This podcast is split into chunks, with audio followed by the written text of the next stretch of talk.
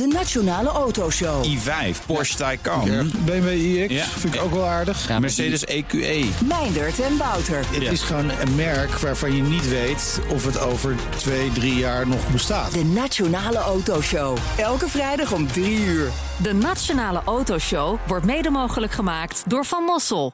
Van Mossel, voor mobiliteit voor iedereen. Tech Update.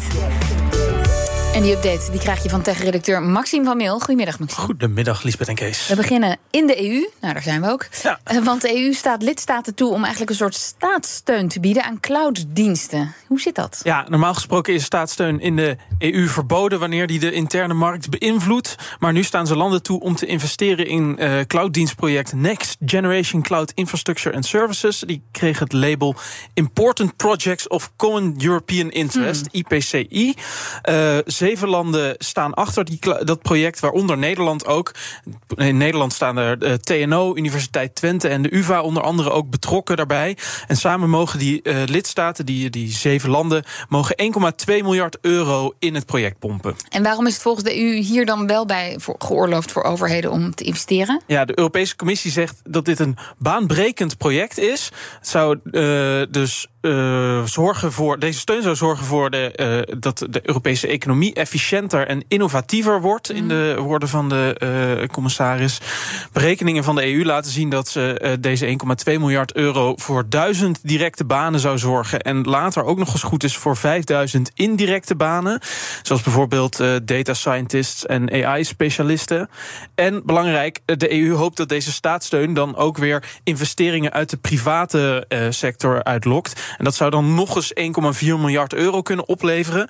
En nou, als, die, eh, als er dan nog meer geld uit private investeringen wordt gehaald, dan moet dat project ook weer het geld weer teruggeven aan de lidstaten. Of een deel van het geld weer teruggeven aan de lidstaten. Dus dan wordt het toch weer een soort van eh, gereguleerd.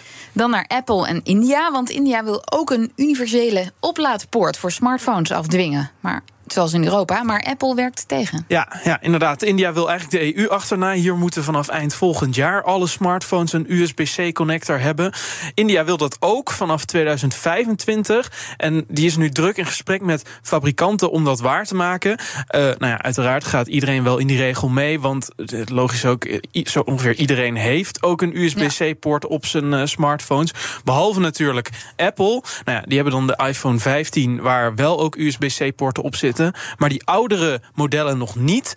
En Apple heeft vorige week in een meeting kennelijk gevraagd. Met, eh, in een meeting met India gevraagd om een uitzondering te maken voor hen. Dat meldt Reuters.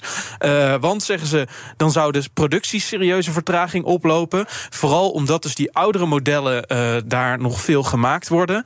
Die Indiase productie is goed voor zo'n 15% van de eh, van de oudere iPhones die nog in de wereld eh, rondgaan. Nou ja, eh, en dat, dat, ja, dat zit ze natuurlijk tegen als ze daar straks geen poort meer Ja. op mogen maken. Want India wil daar eigenlijk geen uitzondering op maken.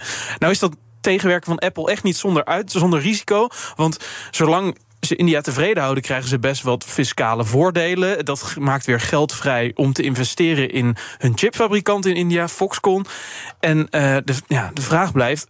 Gaan ze die uitzondering krijgen voor die oudere modellen? India wil heel graag een USB-C-connector zien. Aangezien het eh, in gebruikers, eh, de gebruikers in de EU al zo'n 270 miljoen euro gaat besparen.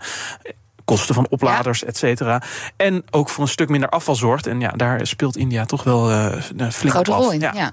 En dan nog even over ChatGPT. Daar is een interessante nieuwe beperking ingesteld. Ja, je mag nu niet meer aan de chatbot vragen om een woord oneindig te herhalen. Dat meldt Bright. Want nou, ik weet niet wie dat deed. Eh, ik neem aan een paar verveelde tieners die eh, het als een leuk tijdverdrijf zagen. Ja, dat denk ik ook. Eh, en onderzoekers van Google, die deden het ook. En die waren lekker de limieten van die chatbot aan het testen. En wat viel hen nou op als je die chatbot maar lang genoeg vraagt om door te gaan met eindeloos herhalen, dan gaat het ergens altijd wel fout. En dan komen er stukjes tekst naar boven in die bot.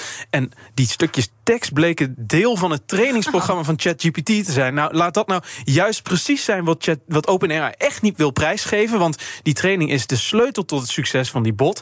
En er komt ook nog eens ja, een nutteloze lading voor de servers van OpenAI bij. Nou goed, eh, OpenAI heeft gezegd: gaan we niet meer doen.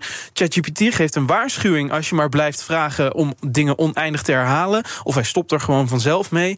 Dan krijg je een melding dat je tegen de voorwaarden van de chatbot ingaat. Ik heb het alsnog even geprobeerd. Ik heb nog geen waarschuwing gekregen, dus mijn computer is nu nog druk bezig met te worden. Maxime is de beste tech-redacteur te herhalen. en ik hoop dat dat hem goed traint. Staat hij hier op de speaker? Op de Uh, redactie, of ja, niet? misschien wel. Dankjewel. Maxime van Wil. De BNR Tech Update wordt mede mogelijk gemaakt door Lenklen. Lenklen. Betrokken expertise, gedreven resultaat.